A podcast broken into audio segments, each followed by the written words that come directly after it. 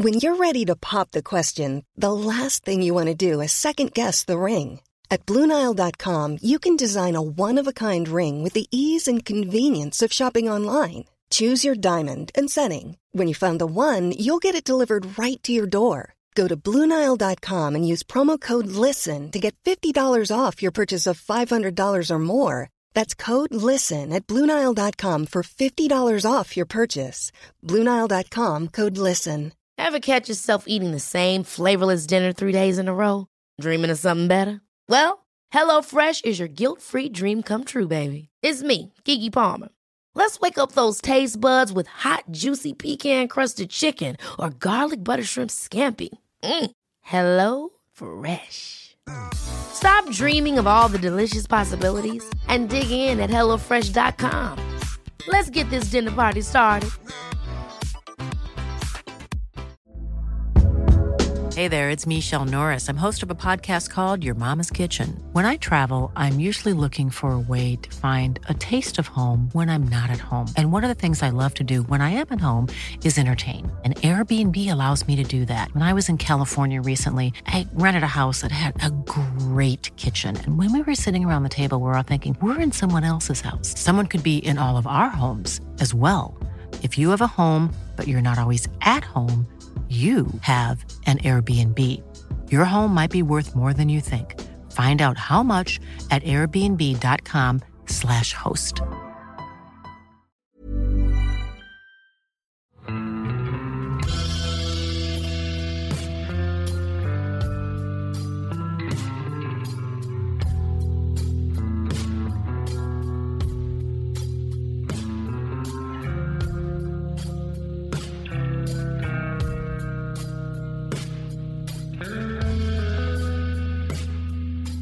Hei og velkommen til podkasten Uteliv. Mitt navn er Randulf Valle, og den svake knitringa dere hører i bakgrunnen, er fra ovnen i Ole Nergård-bua i Øvre Dividal nasjonalpark. Man kan diskutere hvor lenge man må være på tur for at det skal kalles en langtur. For noen så er ei uke en langtur. Andre mener at det går ei grense ja, mellom to uker og en måned. Dagens gjest har tatt det her et par hakk lenger. Han sa opp jobben i 2019. Så dro han på tur, og han har vært på tur siden da. Målet er 1000 dager på tur. Hjertelig velkommen til Bengt Are Barstad. Jeg må jo si tusen takk. Ja, Det er jo litt spesielt å sitte her og sammen med dere. Jeg er jo ikke eh, akkurat vant til å ha så mye besøk. Nei, det, det er jo en slags livepod. Ja det, ja, det blir jo det. Det har jo blitt det. Vi har to stykker i publikum. Eh, Så en som var med oss inn, og en tilfeldig besøkende fra, fra Tromsø, som, eh, som har fått bli med. Hjertelig velkommen. Skal vi få en applaus for Bengt Are? Takk. Jeg rød, rødmer litt nå. Jeg Ja. vant til sånn applaus. Og så, og så er det jo egentlig du som burde ønske velkommen, da. For det er jo på en måte vi som har dratt ut eh, i, eh, i ditt miljø i dag, kanskje. Ja, dere som har kommet, kommet til meg, ja. Mm. Vel, velkommen til uh, villmarken, hvis jeg får lov til å si det, da, i Dividalen. Ja. Og nå er det, når vi tar opp denne episoden her, så er det tidlig i januar. Det er mørketid, og du har vært her siden midten av eh, oktober. Altså, hvordan er dagene da? Det har vært ei veldig, veldig rolig tid til oss, eh, faktisk. Det, når mørketida slår inn, så når du har vært på, på tur så lenge som det jeg har, så, så følger kroppen eh, egentlig lyset. Så det er ikke de store utskeielsene det har vært inni her. Vi har valgt oss et veldig fint område og, og bevege oss rolig i furuskogen i Dividalen, faktisk. Det er det vi har gjort i månedene her. Bare korte kilometer, korte leirforflytninger. Eh, og vi møtte noe, hadde noen trivelige opplevelser med, med storfugl og ja, eh, mange fine bål inni her. Det var det som var litt av målet med å, med å ha mørketida i Dividalen. Ja, ikke tilfeldig at du slår deg til i furuskogen eh, når mørketida kommer. Nei, nå, det, det jeg hadde tenkt igjennom mest på, før jeg dro på tur, var faktisk hvordan skal jeg takle mørketida. Uh, Jeg sleit jo litt med mørketida. Jeg bodde jo i Tromsø i mange år og sleit jo litt med mørketida mens jeg bodde der. Og, så det var egentlig noe jeg grudde meg litt til, men så viste det seg at kroppen han, han tilpasser seg jo egentlig det her veldig godt. Så, så lenge du følger signalene til kroppen, så, så går det her kjempefint. Mm. Men eh, la oss ta steget tilbake til kanskje 2019, kanskje enda lenger tilbake. Altså, Hvordan var livet ditt før du bestemte deg for å dra ut på tur og bli der i 1000 dager? Nei, jeg var jo eh, som alle andre i, eh, i sivilisasjonens press, da, med jobb. Så var jeg aleneforsørger for to unger, så det var jo en hektisk hverdag. Eh, jeg var jo så heldig at jeg jobba i, i sportsbransjen, så jeg jobba jo egentlig med hobbyen min, så det var jo egentlig en givende jobb. Og så hadde jeg to flotte unger som, som var med meg veldig mye på tur, og vi brukte jo all fritid ut i naturen sjøl da. Så så men jeg må jo si at jeg tror, tror Noe av grunnen til at det gikk så bra med meg i sivilisasjonen, var at jeg har beholdt den drømmen om å leve ut. og Planen var egentlig hele tida at når ungene ble store, så skulle jeg, da skulle jeg ut og leve ut. Mm. Hvor gamle er ungene dine nå? Du spør godt. 21 og 25, ikke de blitt, tror jeg. Ja, to, ja. to gutter? To gutter, stemmer mm. det. Ja. Men, eh, men, det her prosjektet som da blei 1000 dager ute, dukka det på en måte opp i hodet ditt som en ferdig idé, eller er det mer sånn resultat av en tankerekke? Det er vel egentlig resultatet av at jeg har hatt en lidenskapelig forhold til naturen helt siden jeg var bitte liten og vært veldig mye ut, glad i å være ute. Uh, både som, som, unge og som ungdom. Uh, og så har det utvikla seg gjennom livet, ikke sant. Og Ofte så er det sånn da når du er i sivilisasjonen og har tunge tider, så, så, skulle ikke mer til for meg da enn at jeg dro på tur, og så var jeg liksom i, tilbake i rett modus igjen. Mm. Og da er liksom tanken at hvis du da bare kan være på tur, så kan du være i modus hele tida?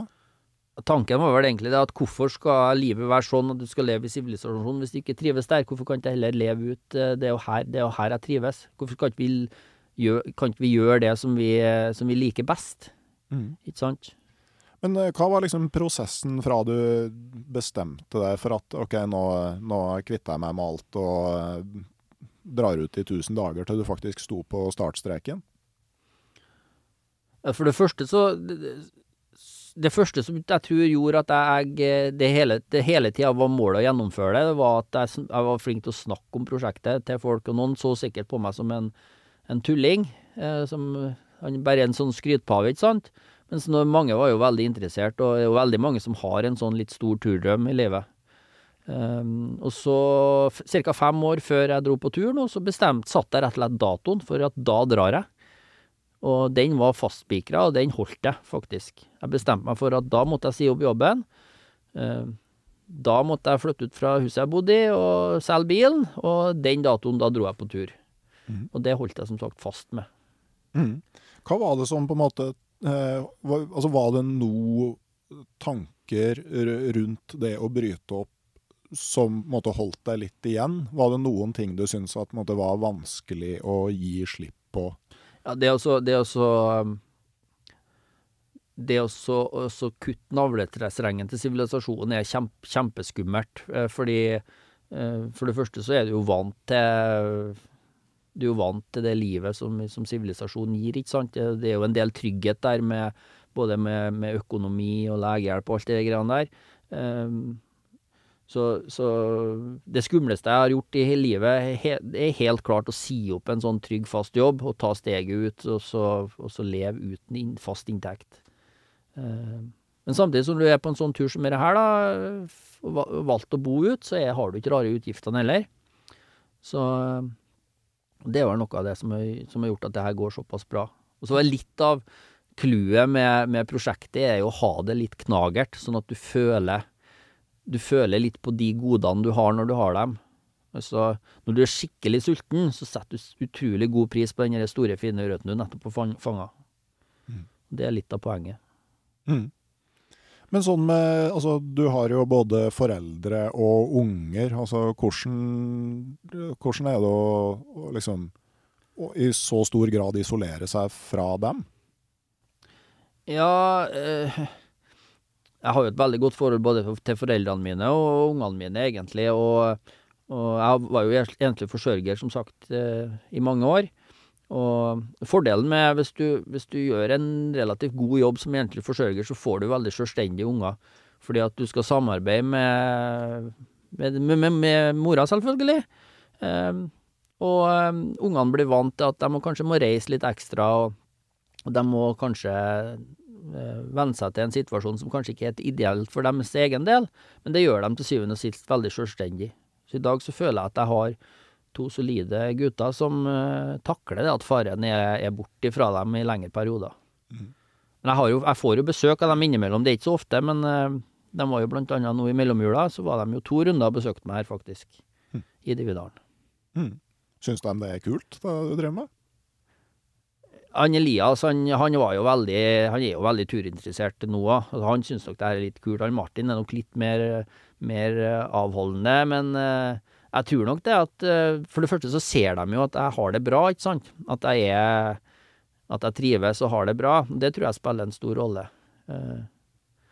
Og så syns de noe, at alle har jo I Norge så er jo veldig mye folk som er turinteressert, så Martin har jo kompiser og venninner som er turinteressert, og dem syns nok det er kult igjen, da. Mm. Ikke sant? Mm. Eh, Men eh, la oss liksom ta steget tilbake når det her prosjektet starta. Den første, den første overnattinga. Kan du klare å hente fram igjen den følelsen da du satte opp tel leiren og teltet første gangen, og da du våkna etterpå den første morgenen? Ja, altså eh, Når jeg sto der, min kjære far eh, leverte meg jo ut i, ut, ut i Gutelia sør for Femundsmarka, på en øde grusbilvei sør for Gutelia, husker jeg. Og jeg var jo ivrig til å komme av gårde, så vi lasta av, og han dro. Og når han dro, så hadde jeg egentlig planer om å, om å kjøre en liten sekvens og renske hodet. Men den, den situasjonen ble, så, ble veldig emosjonell. Jeg var, nesten, var nesten på gråten når jeg skjønte at uh, nå skal jeg på tur, og jeg, det er ingen som kan tvinge meg ned. Nå har jeg Ja, nå er vi, nå er vi i gang. Og det som skjedde, var at eh, jeg gikk faktisk bare noen kilometer inn, eh, inn eh, i skogen i Gutelia, og satte opp telt på en veldig fin plass. Og brukte Jeg tror jeg lå der i fire dager og ble skikkelig sånn akklimatisert. Da kvitta jeg meg med den sivilisasjonen, egentlig. Ja, aller første morgenen, da. Altså, jeg, jeg regner med at jeg var rimelig, rimelig salig. Jeg regner med jeg satt inn med en, en furulegg der i Gutelia med en, eh, med en eh, kopp røkt te og, og smila og, og var rimelig fornøyd. Eh, Ja. Men jeg, følelsen de første dagene var veldig emosjonell, når jeg, for, for jeg skjønte rett og slett det at nå, nå er jeg kommet hjem, og nå, skal, nå, nå er det ingenting som egentlig tvinger meg ned, ned annet enn meg sjøl, da. Mm. Nå, har jeg, nå har jeg kontroll over mitt eget liv. Eh, Men um, sånn rent sånn praktisk, altså hva slags rammer har du satt rundt prosjektet, altså 1000 dager ute? Hva er det du måte, i hermetegn kan gjøre, og hva er det du ikke kan gjøre, for at øh, du skal liksom følge, følge dine egne forutsetninger? Eh, 1000 dager ute er jo som, som du sier, det er jo være og leve i naturen i, i tusen dager. Ikke leve av naturen, for det går ikke an i Norge, sånn som uh, jakt- og fiskereglene er. Uh, så det er rett og slett bare å, å leve, leve ut, bo, bo ute. Uh, det prosjektet har jo kommet veldig naturlig, for jeg er jo ikke Jeg trives jo best et stykke unna sivilisasjonen, da. Eh, der det er lite folk, og der jeg kan være for meg sjøl. Det har vi jo, Sånne plasser har vi jo masse av i Norge, hvis man leter litt. Så, så ramma er jo egentlig det at jeg skal leve og bo ute og bevege meg sakte nordover i, i Norge og nyte de områdene, naturområdene som jeg drar gjennom. Men du er ikke innom butikk, og du tar ikke en natt på hotell liksom, og øh, en varm dusj eller noe sånt underveis? Nei, men det er ikke noe sånn er ikke, det er, jeg har ikke laga noen regel for at jeg ikke kan gjøre det, men det, det, det har kommet veldig naturlig. Jeg har ikke noe behov for det, Nei. rett og slett. Mm. Så jeg har jo hatt noen få overnattinger i sånne buer som Ole Nergård-bua her. Mm. Jeg tror det er blitt åtte til sammen på alle de dagene jeg har vært ute. Og jeg sover ikke noe godt i rebuen, derfor så har jeg heller ikke stort behov for å bruke dem, faktisk. Men eh, Og så er det fortsatt eh, far din som eh, er, tar hånd om forsyningskjedene? Og Kommer med Han, han, han var jo, som jeg har sagt før, min, egentlig min argeste motstander, da. For han mente jo at det var veldig utrygt det jeg gjorde, og det var det jo selvfølgelig. Men så så jo han at, at jeg blomstra opp og trivdes med det jeg gjorde, og da meldte han seg frivillig som å hjelpe meg med å få inn proviant og hundemat da, på de forskjellige plassene jeg passerte. Er ikke det liksom sånn som forelder den ideelle måten å gjøre det på? Altså Du kan være mot noe av, avkommet ønsker å gjøre, Ja. men når du ser at, eh, at liksom gjennomføringsviljen er der, så må du ta steget over i støttefunksjon i stedet? Ikke ikke det sånn jo det, det er nok, det har du nok helt rett i. Mm. Så er det nok kanskje, han var nok kanskje bitte litt uh, Sjalu blir feil å si, men han har nok kanskje De fleste i dag har jo kanskje en drøm om å gjøre noen sånne, sånne sprell sjøl. Min kjære far, han er jo pensjonist nå, og, og me- føler vel sjøl kanskje at det er for seint. Så det kan jo hende det ligger litt grann der at han var litt imot mot det sånn sett. Mm. Eh, Men det er jo ikke for seint, da. blitt Det er jo ikke for seint, da. Han må bare bare henge seg på. Nei, det er aldri for sent, og det er jo, det er jo Jeg er jo blitt 50, jeg òg. Det, er jo- det er jo ikke Man er aldri gammel nok, er faktisk et veldig godt ordtak. Mm. Og eh, jeg har jo en liten historie fra den første jula mi ute. Det er mange, mange år siden nå. Da jeg hadde ei sånn eh, lite uka i, like, lita uke i Ljørdalen i Trollheimen i mellomjula. Og der møtte jeg én person, og det var en eldre herremann på ganske nøyaktig 80 år. Hvem sin telefon, Nei, det er altså? min, av alle ting. Ja. Det må du redigere bort. Hvorfor det? Passer det ikke med imaget? En eh, mobiltelefon? Ja. Jo, jeg bruker jo mobiltelefon ganske mye, egentlig. ja. Det er jo min viktigste kobling, egentlig, til, til det lille sosiale nettverket jeg har. Ja, for det er ikke sånn at du har avskåret deg fra, øh, fra verden. Det virker ikke som det er noe poeng. Nei, jeg er ikke blitt sånn øh, enstøing og jeg, sånn Nei, overhodet ikke. Det var heller ikke det som var målet. Men målet var kanskje egentlig også å distansere seg fra sivilisasjonen og kunne bestemme sjøl når jeg var tilgjengelig for uh... Ja, for jeg tenker bare sånn når vi har avtalt det at jeg skal komme på besøk til Indre Troms og Ja. treffe deg og sånn, altså, altså mm, det var jo eh, Når jeg har sendt meldinger til deg og til Stian Yttergård, som har vært eh, liksom logistikkansvarlig for eh, prosjektet, så er det jo stort sett du som svarer før Stian. Ja, ja, ja. Det er sånn Ja, nei, når jeg, er når jeg er dekning og jeg er i modus, så er jeg på. Altså, Da har jeg telefonen på. Og jeg prøver jo å svare på alt av meldinger og ta telefoner, selvfølgelig, sånn, som, som vanlig. Mm. Men så er det jo veldig godt, som jeg sier, at eh, det hender jo at jeg har veldig bra dekning, og at jeg så slår jeg bare av telefonen for at nå, nå ønsker jeg å være alene. Og det, det er jo fine med mobiltelefon. Det går an å slå den av. Mm. Men du produserer jo òg TV for Naturkanal 1. Fra, Ja, det, det har utvikla seg sånn. Eh, Mhm. Det, det, det som skjedde, var at jeg har jo en god kompis som heter Ole Grotberg Heggen, som øh, syns Han har jo syntes det her var veldig kult fra dag, dag én, og kanskje en av dem som har trodd på meg fra dag én, siden han hørte om prosjektet. Og han øh, sier jo det, nå må du filme, du må, du må starte å filme én gang, må filme fra dag én. Og det har jeg gjort. Eh, og jeg har ikke, har ikke noe jeg har ikke noe egentlig god filmkunnskap, så det er jo noe som har utvikla seg underveis. Det ser du på filminga mi. Og så, så vi har fått et relativt stort eh, materiale, og det ønska da Naturkanal 1 å produsere en TV-serie av. Mm. Hvordan gjør du det sånn praktisk med, med filming, minnekort, batteri og sånne ting? Ja, minnekort og batteri må du ha relativt eh, mye av. Det er jeg jo livredd for å gå tom for minnekort og strøm. Det er to Hvis det hvis jeg er tom for strøm, og så kommer det en bjørn forbi. Da er det skandale, altså. Så minnekort og batteri har jeg med meg relativt mye av. Og så alle de minnekortene som jeg filma, det får min kjære far med seg ned når han kommer på proviantering. Så leverer han dem til en Ole, som legger dem inn, og så blir det redigert eh, TV-program. Da. Hvordan er det å bare levere fra seg råmateriale, og så plutselig altså, du, du, du, du vet jo hvordan ting var, men du mister jo helt kontrollen over hvordan historien blir fortalt. Ja, men det er jo litt fint med sånn som vi gjør det her i Norge, for som du sier, så, så har vi jo mobildekning, så jeg får stort sett innblikk i hvordan de redigerer det. Og så har jo jeg og Ole en veldig god kontakt, og han er Han har skjønt prosjektet. Så hans måte å redigere på er, er, er egentlig veldig bra i forhold til det prosjektet jeg gjør, da. Mm. Hva slags utstyr er det du bruker til filminga? Det viktigste utstyret er jo faktisk actionkameraet. Det jeg bruker, bruker mest. Og så har jeg med meg eh, et speilløst eh, kamera, som òg er et fotoapparat, da. Mm. Eh, faktisk. Og det er jo for å for å formidle de ja, fine fargene, f.eks. her oppe i nord nå. Det vil ikke et actionkamera få til å fange opp 100% Og det er vanskelig faktisk på et sånt speilløst-kamera, men det er mye bedre, da. Mm.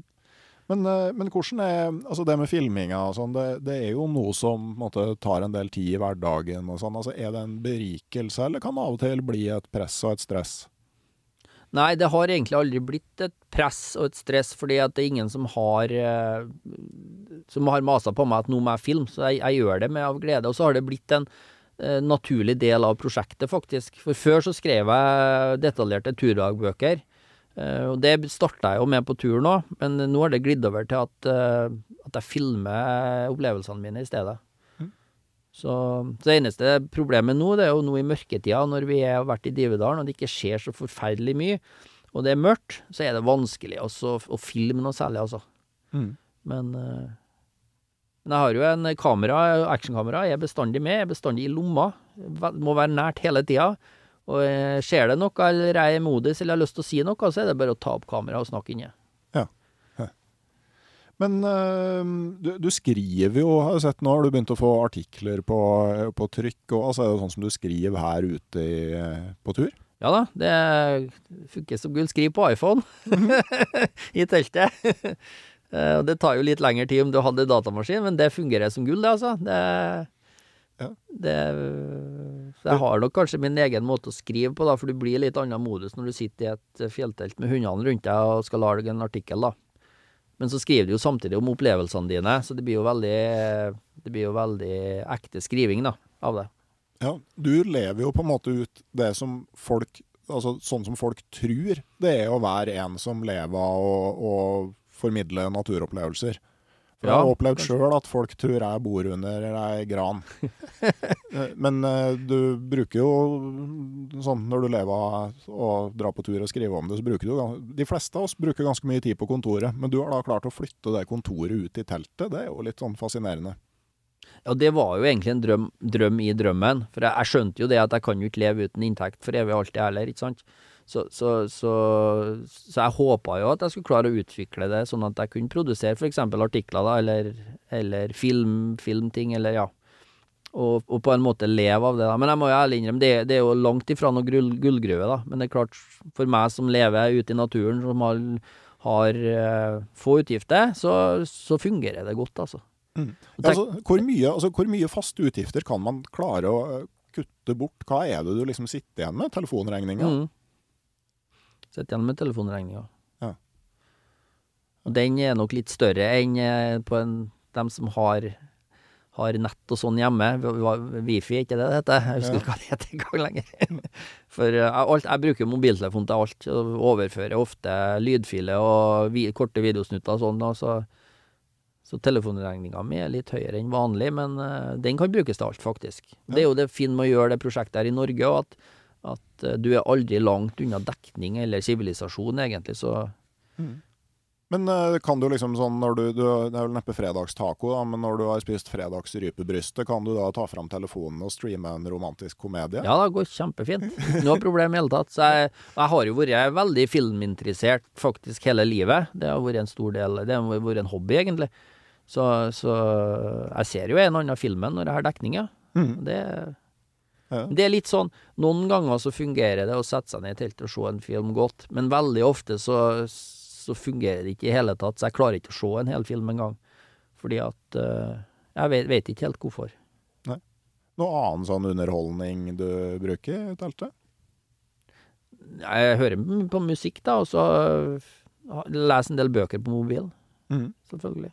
Mm. Noe, Men der har jeg prøvd meg på lydbok, da. Det funka ikke for meg i hele tatt. Jeg må, jeg må lese det. ok. Er det noe sånn, eh, noe sånn rød tråd i det du leser, eller er det alt mellom himmel og jord? egentlig alt mellom himmel og jord. Jeg prøver jo å lese en del ting som er kanskje litt mer sånn seriøst, som har med naturforskning og sånn å gjøre.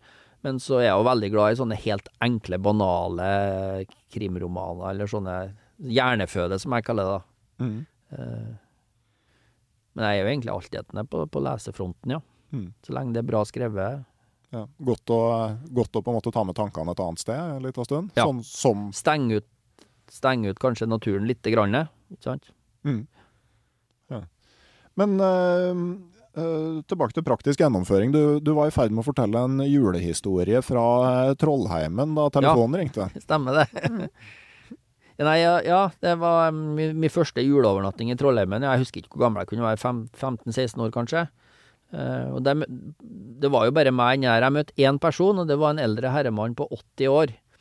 Og han gikk fra Oppdal til Trondheim på ski med pulk uh, for å besøke Jeg husker ikke om det var sønnen, men besøke familien i hvert fall.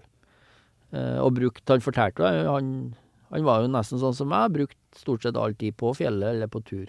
Og det var da jeg fikk det der innstillinga at du, du er aldri for gammel, faktisk. Mm. Så lenge hjernen din fungerer, og, og du ikke setter deg i sofaen og gror fast, så kan du egentlig bare, bare fortsette. Mm.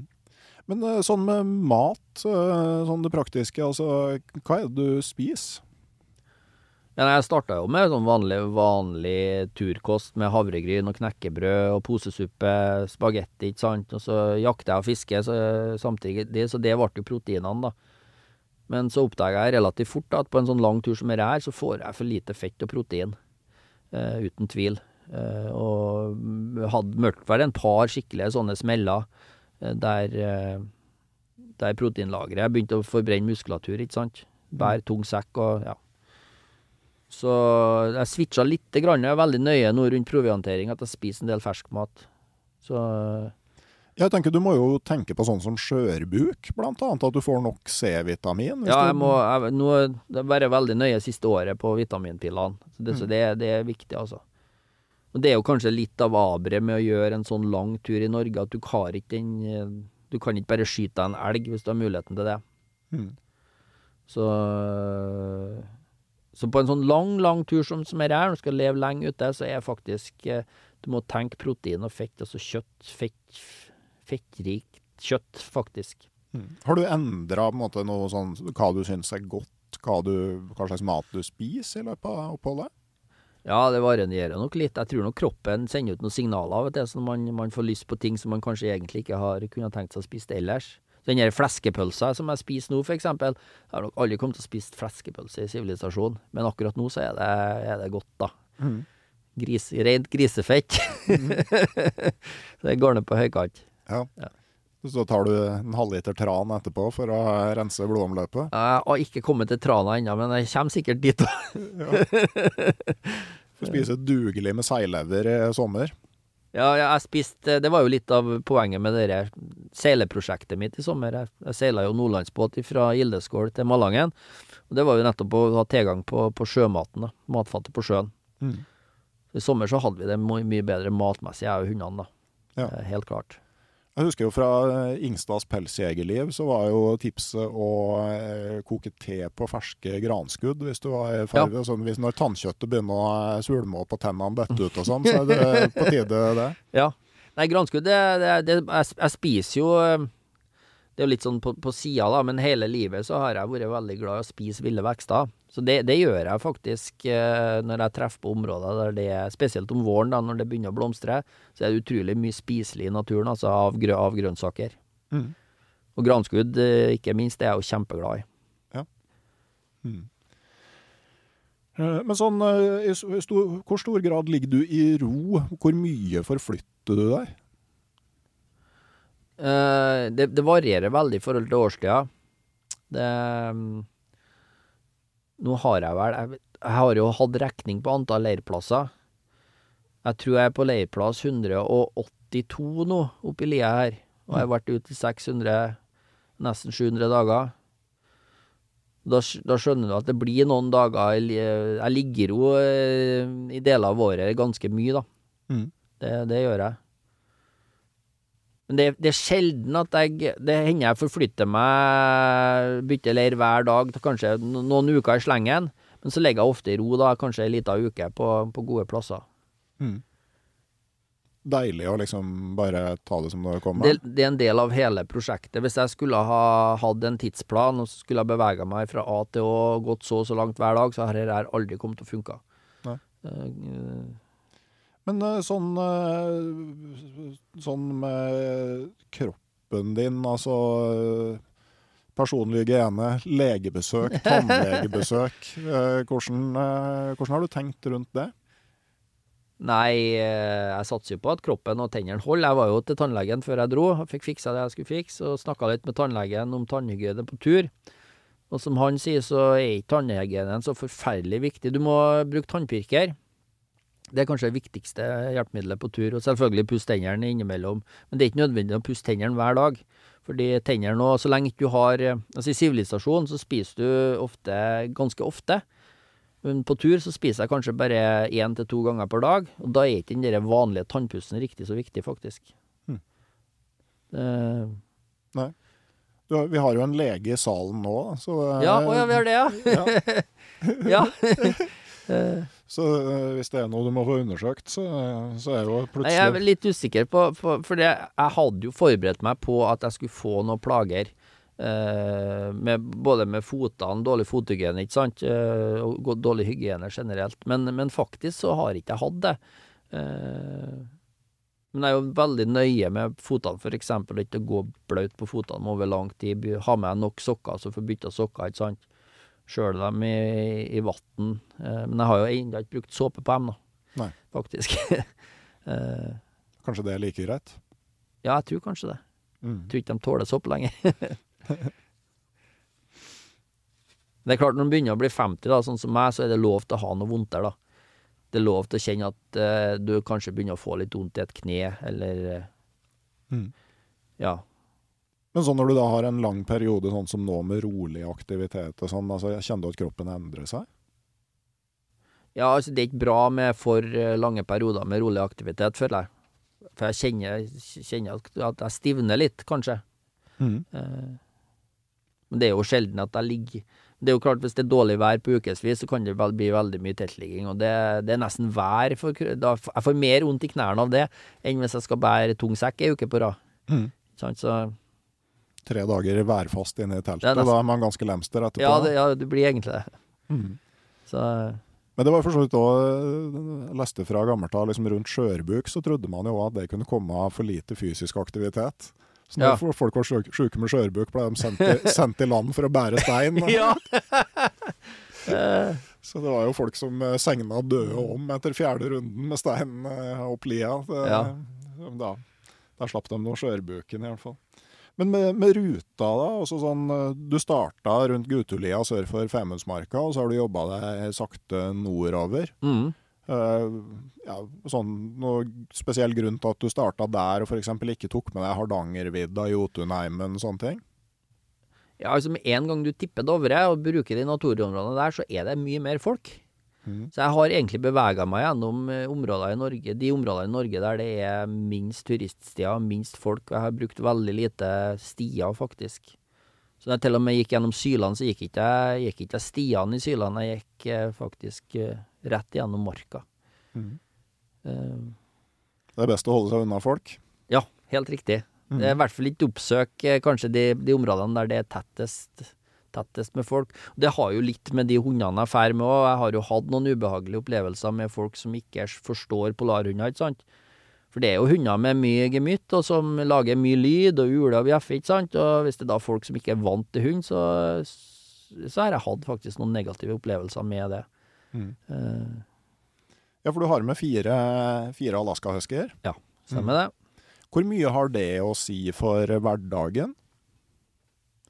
Altså Turen med hunder er mye hardere enn hvis jeg ikke skulle ha dratt med hunder. For folk tror jo det at Norge er, er hundekjørermekka, men det er ikke det, altså, sånn som jeg drar.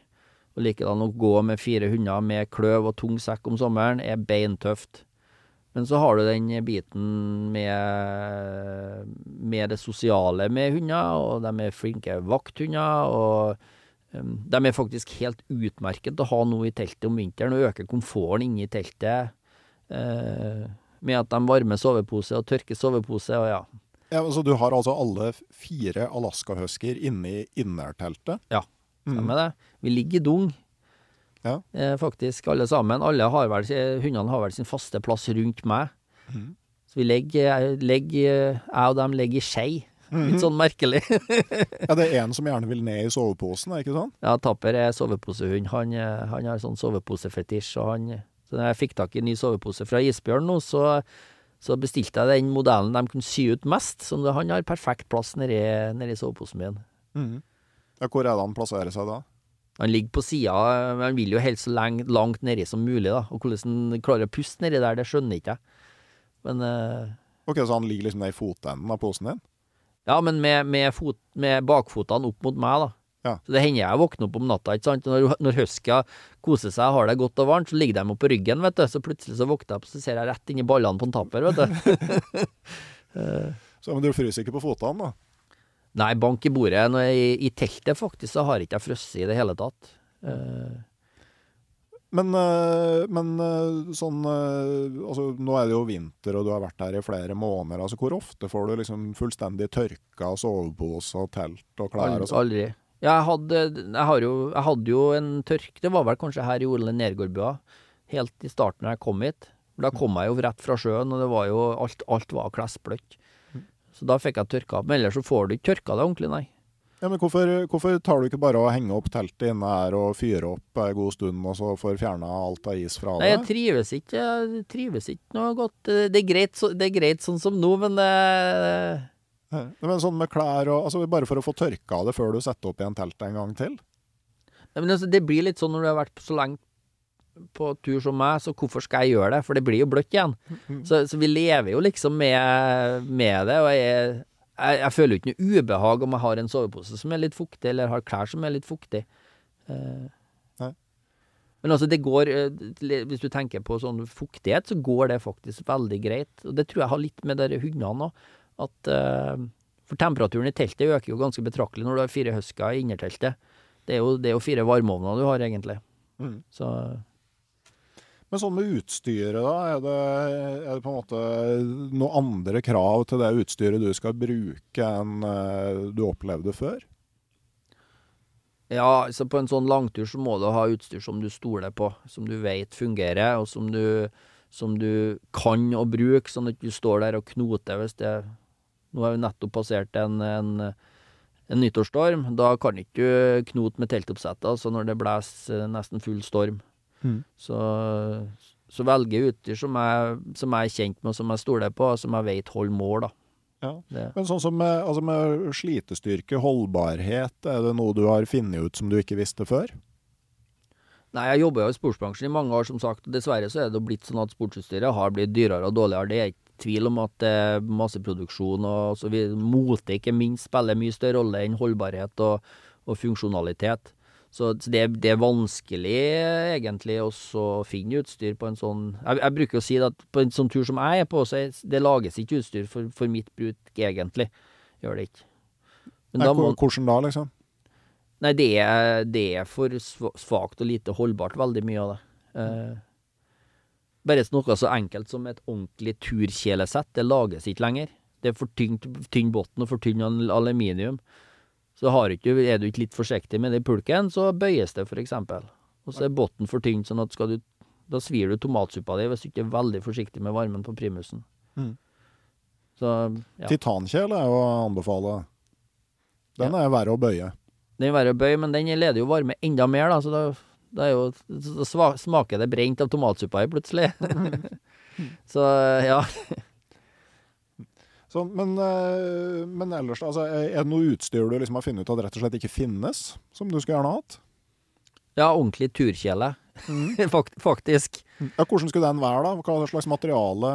Nei, altså, MSR hadde en turserie, turkjele som het for Blacklight, som gikk ut av produksjon for en del år siden. Og den kjøpte jeg opp en del år siden. Den hadde jeg faktisk med meg siste nå i fjor, som, som jeg brukte opp. Og så fant jeg heldigvis et nytt sett nå på Finn, som jeg hooka tak i.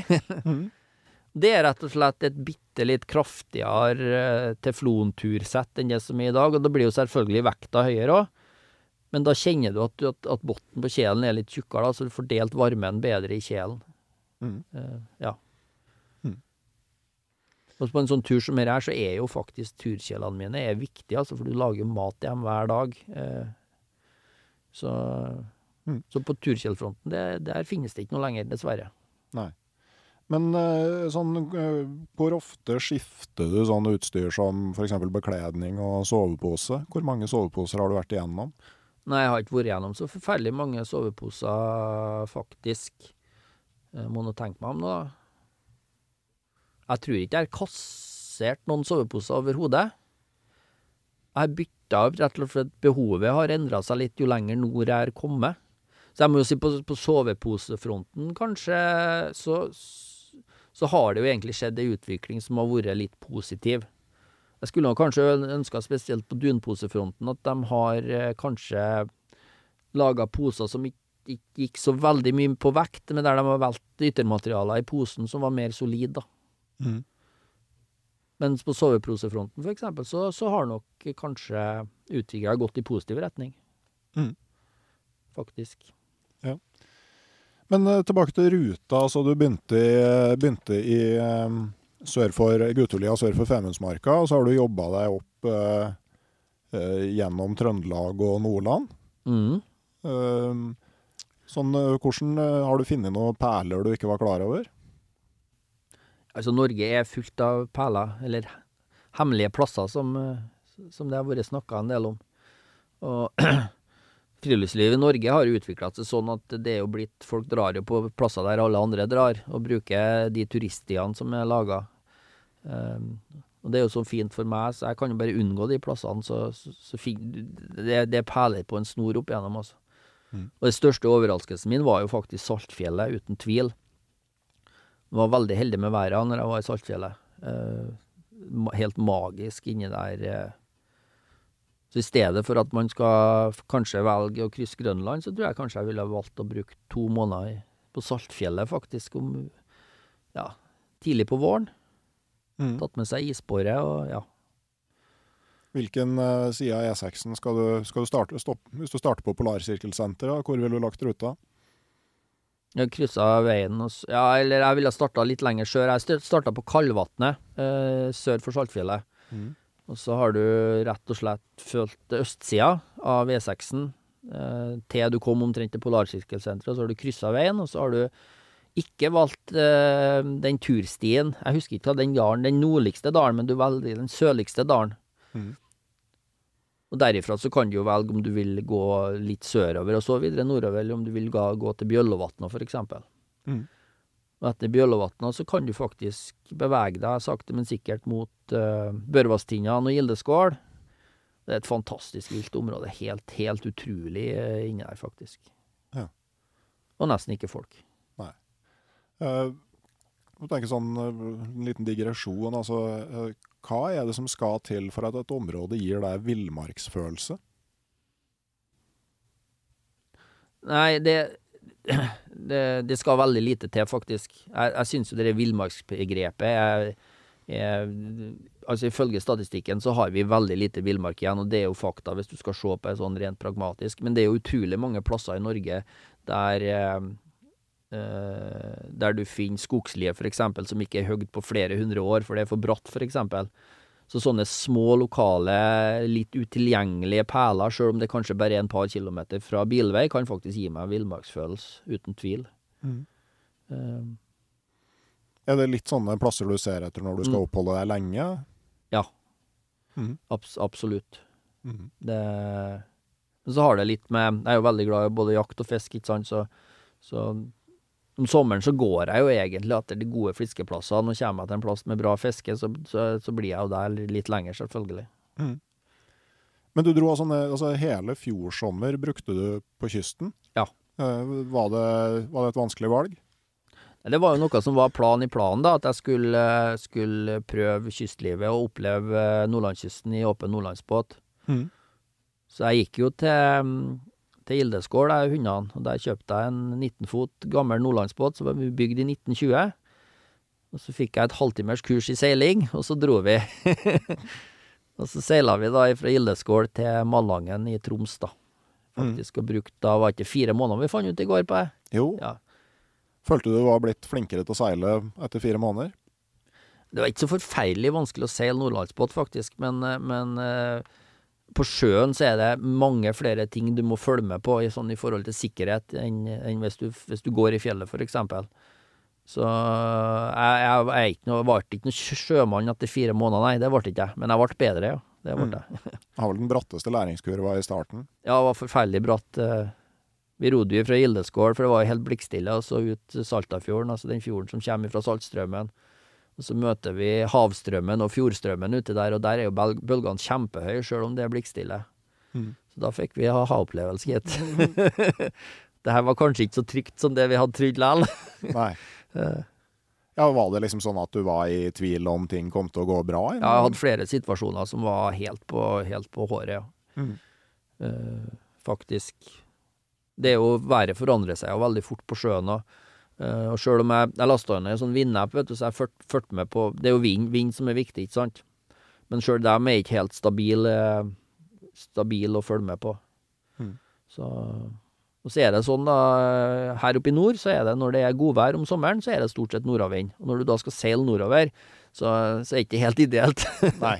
for å si det sånn. Mm. Blir sterk i armene, da. Ja. Vi er, jeg rodde mye mer enn hva jeg seila, for å si det sånn. Mm. Men når jeg hadde de gode seiledagene, så gikk det jo skikkelig flott unna. Mm. Det er jo Dere nordlandsbåtene er jo, det er jo byggekunst uten like. Det er utrolig durabelige farkoster på sjøen, uten tvil. Hvis du kan ha brukt dem, vel å merke. Ja. Og du føler du begynner å nærme deg nå? Jeg, jeg er blitt bedre. Mm. Jeg vil nok tro sånn i nordlandsbåt, så du må nesten ha et liv på sjøen, tror jeg, for å kalle, kalle deg ordentlig, ordentlig nordlandsbåtseiler. Ja. Det var Ragnar Thorseth som jeg intervjua som sa at liksom sjøl etter å ha seilt et vikingskip jorda rundt, så anså han seg som en dårligere seiler enn det vikingene sannsynligvis var. Ja. Det, sånn, ja nei, det, det, det, det, er nesten, Du må nesten prøve det, for det er ubeskrivelig. Bare noe sånt som også um, For det er jo en litt skjør trebåt du drar med, så det er bare det å slå leir om, om kvelden inntil sånne svaberg, for eksempel, er ikke bare bare. bare. Mm. Så båten min fikk mye juling. Han lakk som ei sil på slutten. ja. Skal du ut igjen med den neste år? Jeg har jo egentlig planer om det, da. Oppe mm. i Finnmark, ja. Mm. Uh, ja, for det er dit du er på vei? Du har liksom ja. jobba deg opp til Troms, og så videre til Finnmark? Ja. Mm. Utgangspunktet så var jo hovedmålet mitt for tusendagsprosjektet var jo enere i Nord-Finland, men pga. covid nå så har jeg mine tvil på at vi havner oppi der, da. Men mm. Finnmark er jo stort, så der er mye å ta av, så jeg, jeg slipper ikke opp for områder, for å si det sånn. Nei, jeg skal ikke begynne å snakke om Finnmark. Det der med hva hjertet er fullt av, og hva kjeften begynner å renne over av. Så jeg eh, kan ha en litt finnmarksfri episode. Men, eh, men, jeg skal ta en liten sånn litterær avstikker. Du skal få en liten utfordring. Ja. Om du klarer å eh, plukke hvem, hva slags bok det her er fra. Bare si at vi kjørte inn hit, så klarte Stian å kjenne igjen boka bare på den innledninga som kommer her nå. For vi skal jeg tenker, du, du er jo mye aleine. Ja. Uh, og det her um, handler om en 19-åring som var på sin første overvintring på Hopen øst for Spitsbergen. Ja. 19 år gammel. Uh, I 1908, mener jeg husker. Skal være sammen med en erfaren svensk fangstmann, mens en annen kar skal ligge aleine i bu et stykke unna. Men så får den her andre mannen fullstendig nervesammenbrudd etter at han blir angrepet av isbjørn. ja, det skjønner jeg. ja, Og så må svensken flytte over til han. Ja. Og dermed så må 19-åringen være helt aleine i polarnatta. Ja. Og det høres sånn ut da når han kommer tilbake til hytta. Skal du ut og kikke på bikkjene, eller? Nei, jeg tror bare de slåss, så OK, det er greit, ja? Ja, det er greit. Ja. Da skriver han Det var rart da jeg kom tilbake og visste at nå var jeg aleine. Huset ble så stort, skjønte seg. Veggene lyttet. Det var som de visste noe de ikke ville ut med. Jeg merker at jeg blir støyende av meg, ramler med ovnsringene, slamrer med dørene. Tøv, tull, jeg må ikke gå slik og sette meg opp mot stillheten. Så tar jeg meg sammen og veit at jeg gjør det. Snart etter oppfører jeg meg naturlig, ja, stille som jeg ikke vil vekke noen. Slik skal det være. Ro og orden i hytta. Så lenge det er et lite glimt av lys i dagen, tar jeg skien og drar omkring i terrenget etter at sjølskottene er ettersett. Jeg drar utover isen og rekker bjørnespor, men møter jeg obskurod is, går jeg utenom i en stor bue. Rifla her er klar, ingen ondsinnet bjørn skal komme usett innpå meg. Jeg skal ikke renne rett i kjeften på han, det er jeg som skal bestemme møtet. Denne forsiktigheten gir meg styrke og ro, jeg blir som et vart villdyr på like fot med dem jeg venter å møte i bakhold. Jeg kjenner meg som likemann, jeg er ovenpå. Og så slukner dagen for godt. Svarte himmelen trekker seg over ei sol som har druknet i blod og blått og grønt. Polarnatta leker ned over meg med kalde pust, dødsens kalde pust, og stillheten suser i ørene mine. Stjernene lyser, nordlyset tar til å prøve seg i flammedansen over himmelen i sør. Så skriver den ildskrift, så setter den stjerneslettene i brann. Så først, er du en sånn som slammer i dørene for å sette deg opp mot stillheten når du er aleine, eller prøver du å ikke forstyrre stillheten? Prøver å ikke forstyrre stillheten, helt klart. mm. Men jeg har nok kanskje vært der, jeg òg, hvis, jeg- hvis jeg har gjort det her når jeg var 19 år. Men jeg har aldri kommet til å klare det hvis jeg var, når jeg var 19, da. Nei, klar, klarer du å øh, plassere hvem det kan være? Det hørtes veldig kjent ut, men jeg, har- jeg, jeg gjør ikke det, altså. Nei. Det er fra boka 'Isbjørnkongen', Henry Rudi. Den har jeg faktisk ikke lest, så da, Nei. der, tok, der tok de meg på den. Lars Nordmann Sørensen. Ja. En eh, fantastisk eh, fin bok om på måte, det møtet mellom menneske og natur, og på måte, hva som ligger av drivkrefter og sånn eh, i det. Mm. Men, men der òg, ikke sant, når dagen slukker for godt og svarte himmelen trekker seg som over ei sol som har drukna i blod, Mm. Eh, den følelsen av å være aleine i mørketida, altså, er det bare positivt, eller? Ja, for, for meg så er det, er det det. Jeg har ikke noe Det det er ikke naturen som gir, gir meg mørke, mørke tanker. Um, jeg tror nok han som var 19, 19 år, så tror jeg nok det har med litt hans, hans egen usikre personlighet å gjøre, som gjør det at naturen virker truende. Er du sikker på deg sjøl og, og, og trygg på at, at du takler de utfordringene som naturen gir, så, så er naturen positiv, altså. Det er jeg ganske sikker på. Men eh, sånn er, er alle dager, altså våkner du hver dag liksom med et smil og yes, ny dag ute i naturen? Nei, det, det kan være tungt å våkne, ja. Men jeg har jo mine tjuvtriks da, vet du, til å få, meg opp igjen, og det er jo bare å fyre primusen og få seg en kopp røkt te, vet du, så er jo himmelen igjen. Det skal så lite til, vet du. Ja. så det, det, det Man må lære seg til, liksom, og Livet er jo sånn at det er oppturer og nedturer. Ingen kan ha bare oppturer. Uten, uten nedturene så kommer heller ikke oppturene. Og Det må man bare, bare venne seg til å få inn i hodet, at eh, av og til så er hodet litt tungt. Og så må man bare lære seg sjøl å kjenne, og så, og så vite hva som skal til for at du får deg opp igjen. Mm. Men jeg må jo si naturen til meg gir meg jo ve veldig mye positivt, og, og hjelper meg jo egentlig gjennom eh, de litt tunge stundene. Men før du dro, da, hva hadde du sett for deg at skulle bli det beste på turen? Det beste, beste på turen, det var jo det jeg egentlig har, har opplevd. Det, å faktisk oppleve den der følelsen av at du er i ett med naturen. Eh, at du er en plass der du hører hjemme, at her er jeg trygg, ikke sant. Og ja. Og det har blitt sånn som du trodde? Ja, egentlig. Eh, jeg hadde nok forventa meg mye større nedturer. Jeg hadde jo forventa meg flere psykiske knekker, blant annet, og, forberedt meg på det, men de har egentlig ikke kommet, da. Påvirkes du, eller hvordan påvirkes du av årstida? Helt, noe helt vanvittig.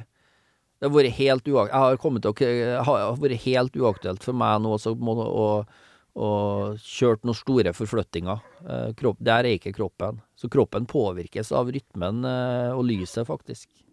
Ja, du merker det helt konkret? Ja, jeg gjør det. Jeg merka veldig tydelig, det gikk ikke mange dager nå etter at sola snudde, faktisk, at, at, at jeg føl, følte litt av den der gløden av at nå, nå vender sola snart tilbake. Setter du mer pris på våren og sommeren fordi du har vært der hele vinteren? Nei, jeg, jeg setter pris på alle årstidene. Jeg setter nok kanskje mer pris på lyset.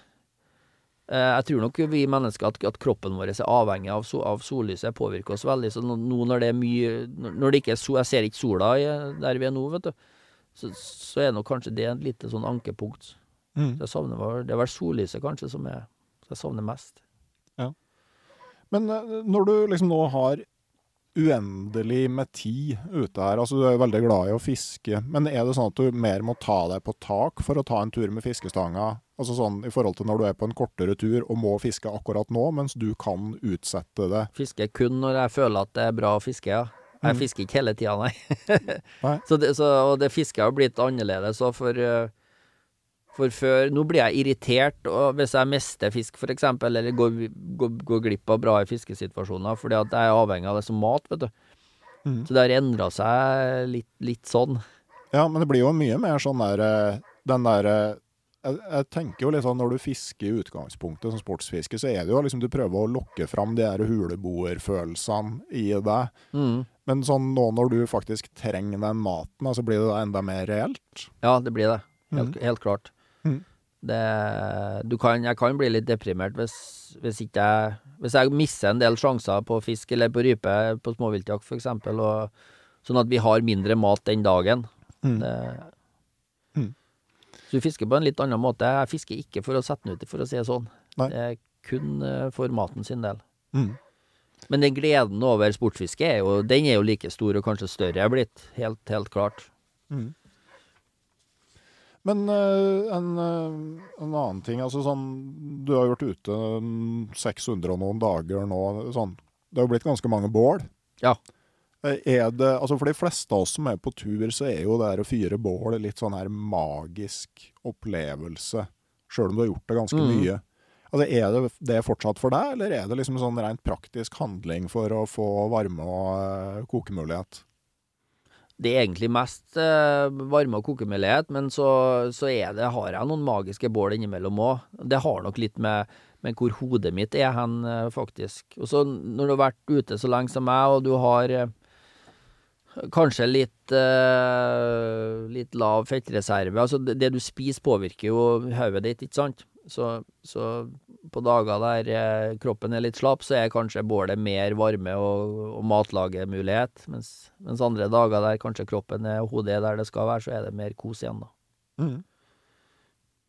Men sånn når det gjelder, gjelder verden utafor, altså i hvor stor grad følger du med på nyheter og, og sånne ting?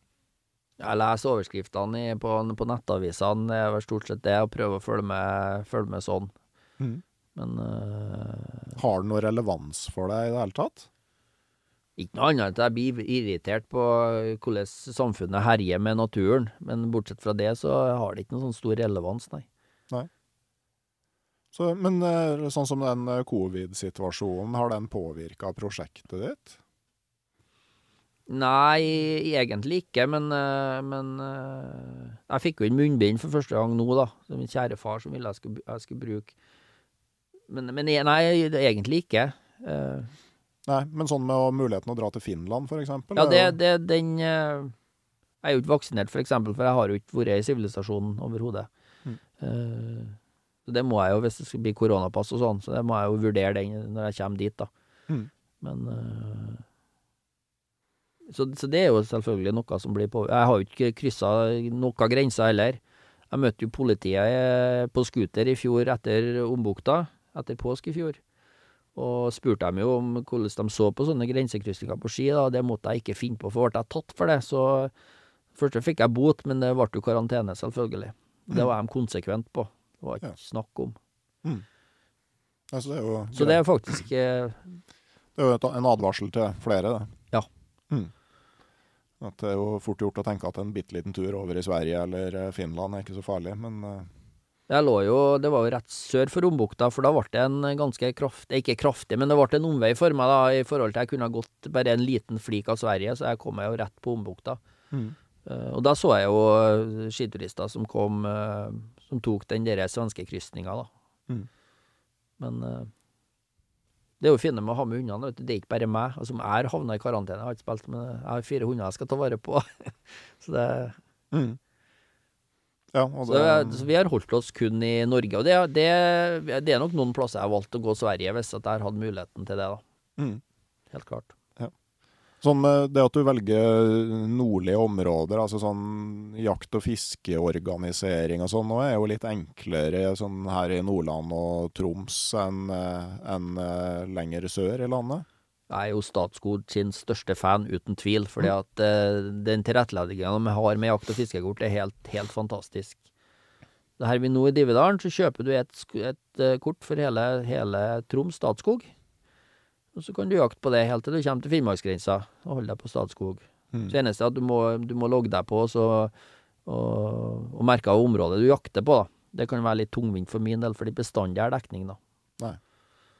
Men jakt- og fiskekort ja, her oppe i nord er helt uh, Det er enkelt. Mm.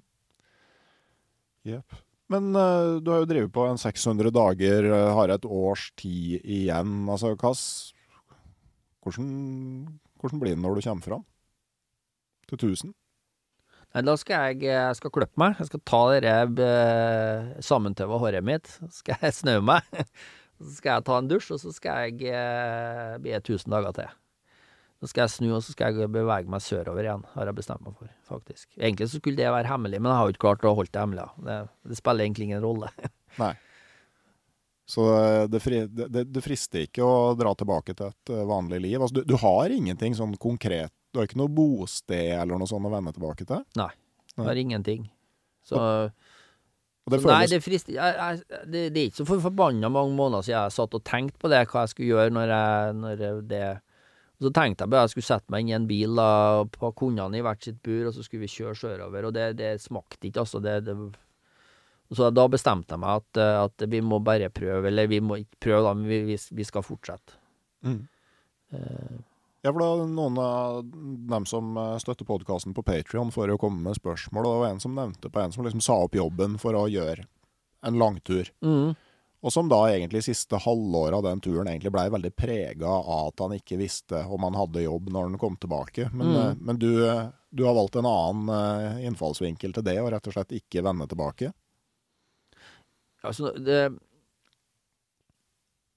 jeg er jo blitt veldig vant til å leve i nuet.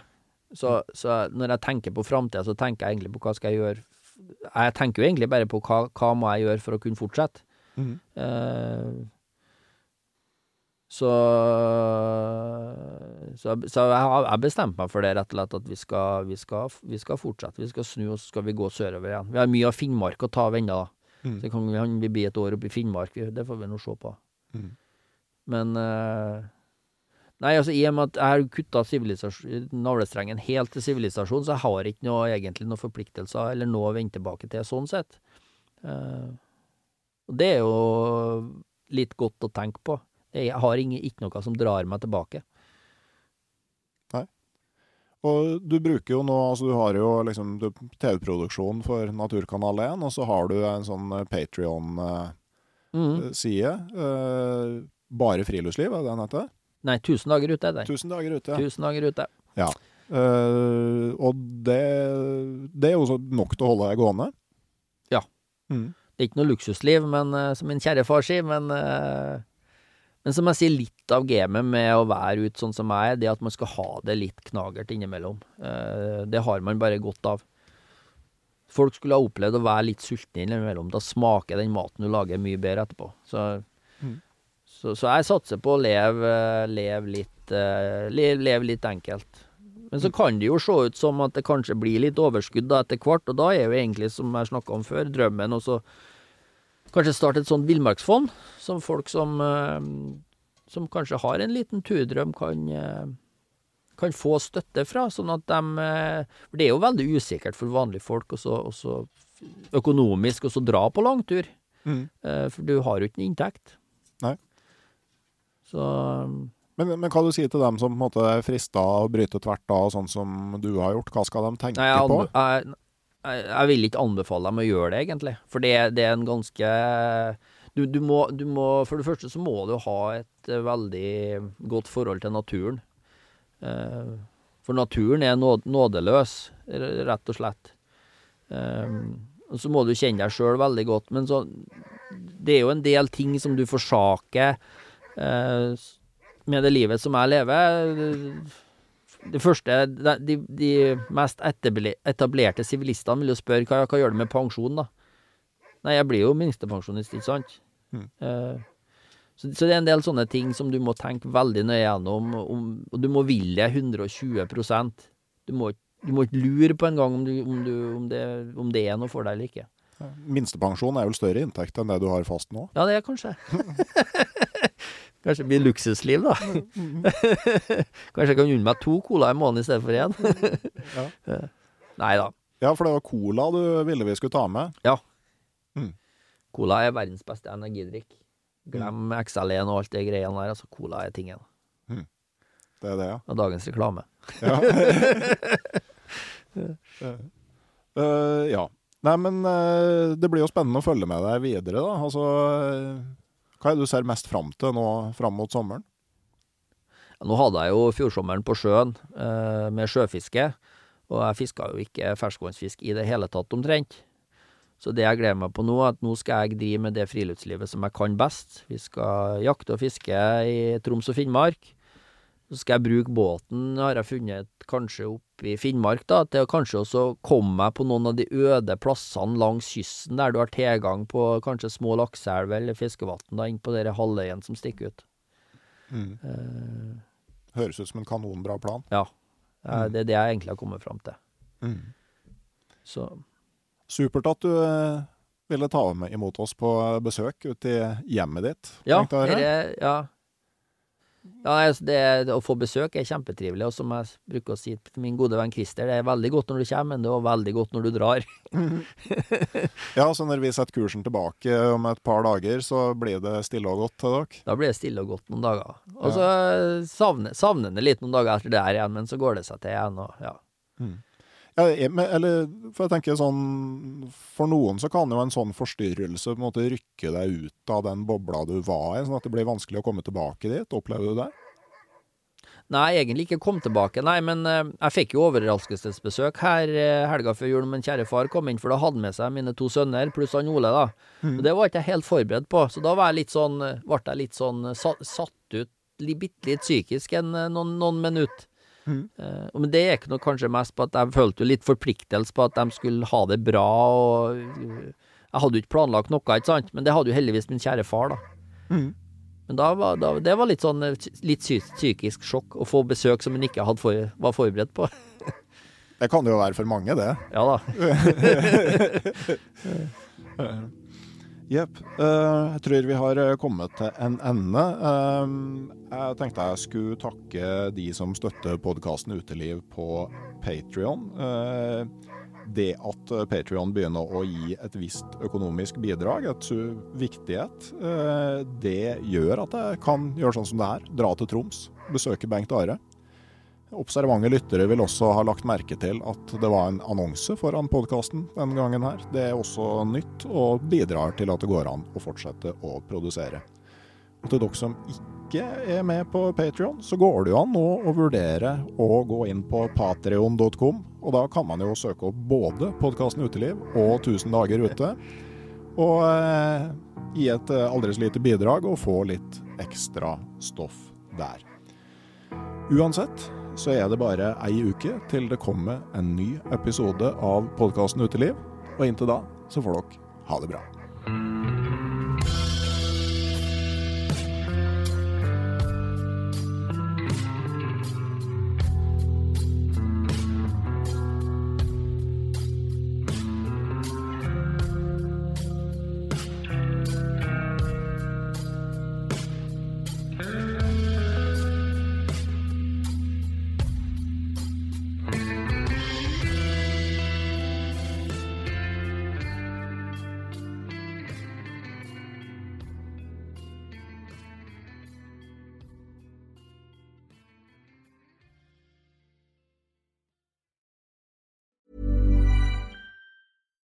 Catch yourself eating the same flavorless dinner three days in a row? Dreaming of something better? Well, HelloFresh is your guilt free dream come true, baby. It's me, Kiki Palmer. Let's wake up those taste buds with hot, juicy pecan crusted chicken or garlic butter shrimp scampi. Mm. Hello Fresh. Stop dreaming of all the delicious possibilities and dig in at HelloFresh.com. Let's get this dinner party started.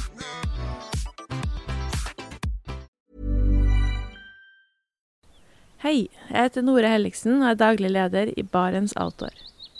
Det beste vi kan gjøre for planeten, er å redusere forbruket vårt og få mer ut av det utstyret vi allerede har. Men vi vet av erfaring at bruken av telt kan endre seg over tid. Det teltet du kjøpte for to år siden, passer kanskje ikke det behovet du har i dag. Derfor har vi i Barents etablert en egen panteordning der vi tar imot brukte telt av god kvalitet i innbytte når du kjøper et nytt av oss. Prosessen er enkel. På barentsoutdoor.no gir du oss informasjon om teltet du vil bytte inn. Basert på det får du et tilbud fra oss som gir deg rabatt på ditt neste Barents-produkt. Mer info og betingelser finner du på barentsoutdoor.no. Og husk at den første reparasjonen på produkter fra Barents er alltid gratis.